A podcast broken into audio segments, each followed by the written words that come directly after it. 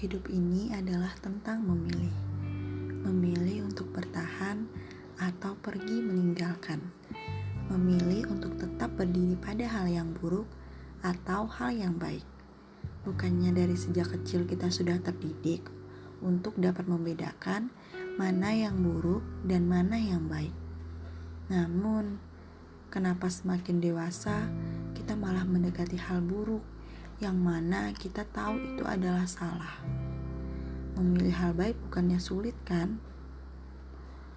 Ada apa dengan logika para dewasa saat ini? Padahal sejak kecil orang tua kita sudah begitu banyak mengajarkan kita bahwa hal buruk itu harus dijauhi, bukan malah didekati. Namun, mengapa saat ini kalian malah bertahan di tempat di mana seharusnya kalian sadar bahwa itu adalah salah. Yang lucunya lagi, saat ini ketika seseorang berbuat buruk ataupun salah, mereka dengan bangga hati mempublikasikannya pada seluruh dunia, dan manusia lainnya menganggap itu adalah hal biasa. Rasanya, semua yang telah diajarkan orang tua dulu menjadi sia-sia. Malahan, ketika ada orang yang mencoba berbuat baik dan mempublikasikannya ke dunia, dianggap salah. Padahal kan belum tentu niatnya pamer, tapi pasti akan ada aja tuh hujatan dari para netizen yang suka bilang, "Ah, elah, ria banget lu."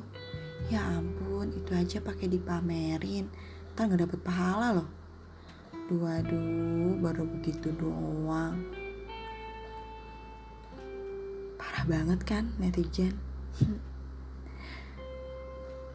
Padahal kan bisa aja niatnya adalah hanya untuk mengajak manusia lainnya agar bisa berbuat baik seperti apa yang telah dia lakukan.